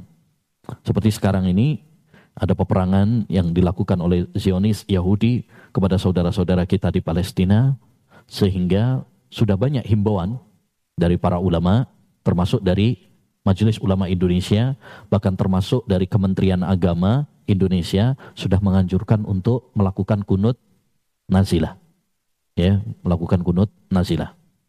Maka disyariatkan bagi kita, dianjurkan bagi kita untuk melakukan kunut nazilah, mendoakan saudara-saudara kita di sana, ya, dengan mengatakan Allahumma najji ikhwanana al-mustad'afina fi Gaza wa fi Filistin. Ya huma thabbit aqdamahum wa wahid sufufahum wa dawi jarhahum wasfi mardahum. Allahumma alaika bil yahud fa innahum la yu'jizunak Allahumma dammirhum. Allahumma ij'al alaihim sinina kasini Yusuf. Dan doa-doa yang lain ya yang intinya adalah mendoakan supaya musuh-musuh Allah dihancurkan dan supaya saudara-saudara kita diberi ketabahan, kesabaran dan kemenangan. Ya dan itu berlaku untuk semua solat. Berlaku untuk semua solat lima waktu. Solat subuh, solat zuhur, solat asar, ya, solat maghrib, solat isya. Ya, semua solat. Adapun apa yang ditanyakan, apakah harus berjamaah ataukah saat sendirian juga diperbolehkan? Boleh. Baik sendirian maupun ketika sholat berjamaah. Ya, lebih bagus ketika sholat berjamaah. Karena semakin banyak yang mendoakan akan semakin bagus. Dan hukum asalnya apalagi bagi laki-laki, sholat itu adalah berjamaah di masjid. Ya, sholat itu berjamaah di masjid. Wallahu a'lam. Saya ingin bertanya apa hukumnya memberi hadiah ketika anak belajar puasa. Misal, kalau full sampai maghrib diberi uang 50 ribu. Kalau enggak full hanya 20 ribu. Jazakumullah khairan. Kalau enggak puasa, nol. Tidak mengapa. Ini termasuk apa? Motivasi tadi. Ya, motivasi. Saya termasuk yang mempraktekkan ini ya termasuk yang mempraktekkan ini. Kalau puasa ya dapat uang. Ini kita nggak apa-apa mengorbankan sebagian harta kita ya untuk apa? Mendidik anak kita dan ini dilakukan oleh para salaf dahulu ya, Para salaf dahulu mereka begitu. Ya. Ada seorang ulama lihat anak-anak main-main, dia bilang apa? Ayo sholat. Siapa yang sholat nanti tak kasih permen. Ya, itu dilakukan oleh para ulama salaf dahulu. Demikian juga ini penting dilakukan oleh orang tua. Ya, kasih duit, Atau misalkan nanti tak belikan apa? Eh, baju baru misalkan. Kan memang lebaran juga waktunya beli beliin baju baru kan. Nah, nanti gitu kasih. Atau nanti tak kasih, tak ajak ke mana untuk jalan-jalan. apa-apa. Ya, ini termasuk apa? Motivasi. Ya, motivasi kepada anak. Baik. Jadi tidak mengapa bahkan ini ada contohnya dari para salaf. Assalamualaikum warahmatullahi wabarakatuh. Assalamualaikum. Izin bertanya Ustadz. Jika mama saya sangat semangat untuk membayarkan zakat fitri anak-anaknya, cucu-cucunya, bahkan menantunya, apakah ini tidak mengapa? Dalam keadaan anak-anaknya mampu untuk membayar sendiri. Tapi kalau misalkan dikatakan kami saja yang bayar, takutnya mama jadi sedih. Pada dasarnya, pada dasarnya ya seorang itu adalah membayar untuk dirinya sendiri. Pada dasarnya. Ya, pada dasarnya adalah membayar untuk dirinya sendiri. Dan semua ibadah, ikhwan, semua ibadah kita usahakan kita sendiri yang melakukannya, bukan diwakilkan. Kenapa? Ada dua faedah. Faedah yang pertama, agar kita merasakan nuansa ibadah. Merasakan kelezatan, merasakan ketenangan. Beda loh. Antum misalkan sodako, antum berikan langsung kepada fakir miskin, sama nyuruh orang. Ketika antum memberikan secara langsung, terjun langsung kepada orang yang terkena musibah, antum e, mendapatkan doa dari mereka, ya mendengarkan isak tangis mereka, itu lebih apa? Menyentuh hati, ya lebih menenangkan hati daripada kalau diwakilkan. Yang kedua, orang kalau melakukan ibadah secara sendiri ya, itu lebih meyakinkan. Berbeda kalau diwakilkan. Diwakilkan. Nah, seperti ini daripada diwakilkan orang tuanya yang yang membayar, hukum asalnya sebaiknya apa? Kita sendiri. Jadi sampaikan tapi dengan cara yang lembut biar saya sendiri karena hukum asalnya ibadah itu adalah sendiri-sendiri. Tapi kalau misalkan maksa boleh apa enggak Ustaz? Ya boleh saja. Selama kita ridho, dibayarkan oleh orang tua kita, itu tidak mengapa. Ya tidak mengapa. Tapi mana yang lebih bagus? Yang lebih bagus adalah kita sendiri. Kayak tadi anak-anak juga. Kalau dia punya punya duit, lebih baik pakai duit anaknya. Tapi kalau misalkan dia tidak mampu, baru orang tuanya. Istri juga demikian. Eh perhatikan para akhwat, istri misalkan pada dasarnya kalau dia mampu zakat fitri sendiri, pakai uangnya sendiri, lebih bagus pakai uangnya sendiri. Jangan bilang ke suami, nah ini kan tanggung jawabmu. Nah, kalau mampu pakai uangnya sendiri, pakai uang sendiri. Tapi kalau memang misalkan istrinya nggak punya pemasukan, nggak punya tabungan, nggak punya uang, maka itu tanggung jawabnya suami. Maka itu tanggung jawabnya suami. Tapi kalau dia punya uang, nah sekarang banyak ya para istri kan duitnya banyak, Ya kan? Nah, karena sekarang banyak para istri juga kerja gitu maksud saya. Ya, banyak, banyak kerja. Kalau dia punya penghasilan sendiri, pakai uangnya sendiri lebih lebih utama. Tapi insya Allah nanti kita lanjutkan pada pertemuan berikutnya. Tapi sekarang giliran saya. Ini ada hadiah. Tape. Untuk akhwat, siapa yang bisa nyebutkan nama-nama istri-istri Nabi. Istrinya Nabi berapa? Sebelas, berarti sebelas istri Nabi. Siapa yang bisa? Bismillah Ustaz. Ya. Aisyah radhiyallahu anha. Hmm. Maimunah. Sebelum Aisyah siapa? Khadijah. Nah, Khadijah, biar urut Aisyah, gitu. Aisyah, Sauda, hmm. Maimunah, Sofia, hmm uh, Zainab. Zainab. Zainab itu ada dua. Zainab siapa? Zainab binti Jahsy. Taib sama yang kedua Zainab. Z Zainab binti Raihan. Zainab binti siapa? Zainab binti Jahas betul. Zainab yang kedua Zainab binti Huzaimah. Huzaimah. Ya, terus. Delapan. Uh, Habibah Habibah, Ummu Habibah. Ummu Habibah. Ummu Habibah. Ummu Salama. Ummu Salama. Tayyib. Kurang dua lagi. Huh? Anaknya Umar bin Khattab. Oh, Hafsah. Hafsah. Tayyib. Siapa lagi yang belum ya? Yang belum disebutin? Juwairiyah. Juwairiyah. Juwairiyah sudah belum tadi? Belum. Belum ya? Taib, ahsan. Barakallahu fiik. Taib. Sekarang bapak-bapak. Siapa yang bisa menyebutkan 10 sahabat yang dijamin masuk surga? Ayo, saya pengen ngetes ini. Apa diganti? 10 pemain bola. Kalau nggak ada yang bisa, saya ganti 10 pemain bola ini. Baik, ayo Pak. Bismillah. Ah. Eh, Abu Bakar Siddiq, Abu Bakar, Umar bin Khattab, Umar bin Khattab, Ali bin Abi Thalib, Utsman bin Affan, Utsman bin Affan, Ali bin Abi Ali Thalib, bin Abi Thalib, Tolha Talha bin Ubaidillah, bin Ubaidillah, Abdurrahman bin Auf, Abdurrahman bin Auf, eh, Zubair bin Awam, Zubair bin Awam, nah, eh, Ubaidillah, eh, eh, eh, yang namanya kayak saya. Kunyahnya.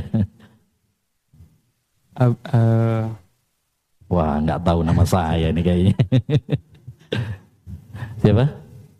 Abu Ubaidah ibn al Abu Ubaidah, Abu Ubaidah ibn al Jarrah. Nah, Abu Ubaidah bin Jarrah, Eh, Sa'ad bin Abi Waqqas, Sa'ad bin Abi Waqqas. Nah, eh, satu lagi. lagi. Sa'ad, Sa'id, Iya betul. Sa'id bin Sa'id bin Ayo cepet ini. Abu Sa'id bin Sa'id bin Zaid. Sa'id bin Zaid. Nah, ahsan. Jazakallah khairan. Ya, barakallahu fiik. Taib. Ayo ibu-ibu lagi. Ibu. Sebutkan tujuh sahabat yang banyak meriwayatkan hadis. Ini pelajaran sirah hari ini kayaknya. Bismillahirrahmanirrahim. Eh, Abu Hurairah, Ibnu Umar, Abdullah bin Abbas, Ibunda Aisyah, Anas bin Malik, Jabir bin Abdullah, Abu Sa'id Al-Khudri. Masya Allah. Taib. Barakallahu fiik. Taib.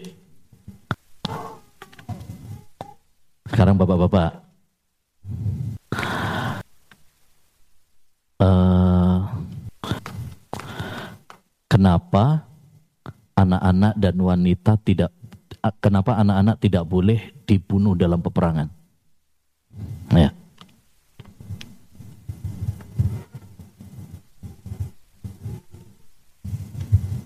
Bismillah. eh, kenapa anak-anak dan wanita tidak boleh dibunuh dalam perang? Yang pertama karena anak-anak eh, lahir dalam keadaan Fitrah. sedangkan Nah, eh, perang adalah kita memerangi orang kafir. Taib. Yang kedua, secara umum anak-anak dan wanita tidak ikut dalam berperang. tidak ikut dalam perang Hasan. Masya Allah. Taib. Taib yang ibu, ibu terakhir bu. Tadi kita sampaikan di situ ada hadis Rafa'at imro'atun. Ada seorang wanita yang mengangkat bayi kepada Rasulullah. Dalam ilmu mustalah hadis, rawi yang tidak disebutkan namanya, apa istilahnya? Bismillah. Ada yang bisa? Ana Ustadz insya Allah. Hah, Sebentar Ustadz. ada. Oh, Tayyib. Ayo. Disebut dengan apa istilahnya? Em, sebentar. Ana nyontek catatan dulu Ustadz. Sudah ngambil mic ya berarti. Ayo, Oh ini, sebentar. ada yang bisa? Eh, sebentar. Em, aduh nggak kelihatan. Ah, Disebut mubham Ustadz. mub Mubham. mubaham. Tayyib. Ahsant. Ini dapat wahyu dari teman atau atau baru ketemu tulisannya, catatannya? Tayyib. Ahsant. Barakallahu. Disebut apa? Mubham. Wa mubhamun ma fihi rawin lam yusam. Ya. Mubham itu adalah apabila ada rawi yang tidak disebutkan namanya Hasan. Barakallahu. Demikian yang bisa kita bahas. Eh, Insyaallah taala akan kita lanjutkan pada pertemuan berikutnya yaitu Senin keempat. Ya, mudah-mudahan bermanfaat. Kita tutup dengan doa kafaratul majlis. Subhanakallahumma bihamdika asyhadu an la ilaha illa anta astaghfiruka wa atubu ilaik. Assalamualaikum warahmatullahi wabarakatuh. Waalaikumsalam warahmatullahi wabarakatuh. Syukran zakallahu khairan wa barakallahu fiik kepada Al Ustaz Yusuf Abu Ubaidah As-Sidawi hafizahullah taala yang telah menyampaikan kajian dan juga memberikan uh, hadiah dan juga menjawab pertanyaan yang telah diajukan. Semoga Allah Azza wa Jalla senantiasa menjaga Ustadz beserta keluarga dan diberikan kesehatan beserta keluarga. Ikhwati Allah wa iyyakum hadirin dan para pendengar dan pemirsa di mana pun antum berada. Kami informasikan bahwa insya Allah di hari Selasa besok akan hadir kajian Islam ilmiah pembahasan kitab fikih Asmaul Husna bersama Ustadz Abu Haidar As-Sundawi hafizahullah taala bertempat di Masjid An-Nafi dalam pembahasan mengenal makna assalam. Sekali lagi bertempat di Masjid An-Nafi Dago Pakar Permai 7 Kota Bandung pada pukul 9.30 waktu Indonesia Barat. Dan insya Allah akan disampaikan oleh Al Ustadz Abu Haidar As-Sundawi Hafizahullah Ta'ala. Demikian informasi yang dapat kami sampaikan.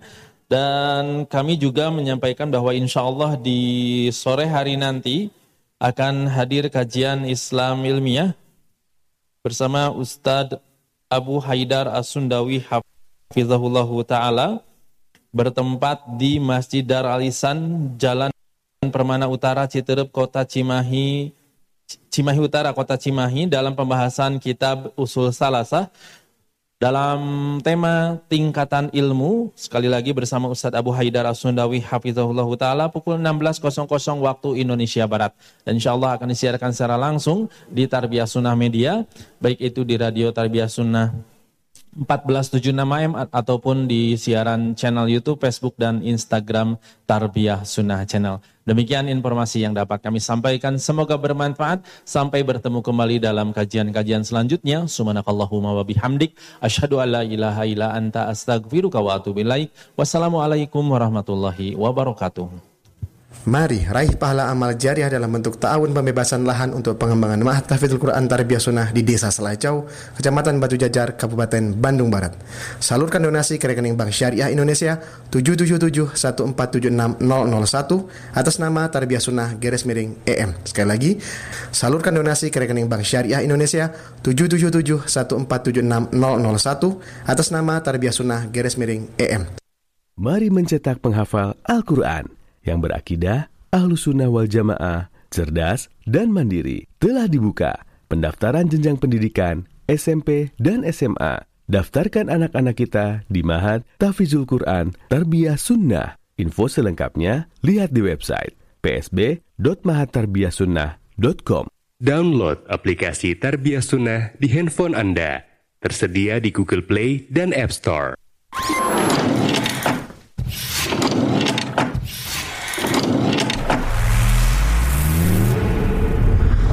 Tarbiyah Sunnah Channel. Lillah, nyunnah, merenah.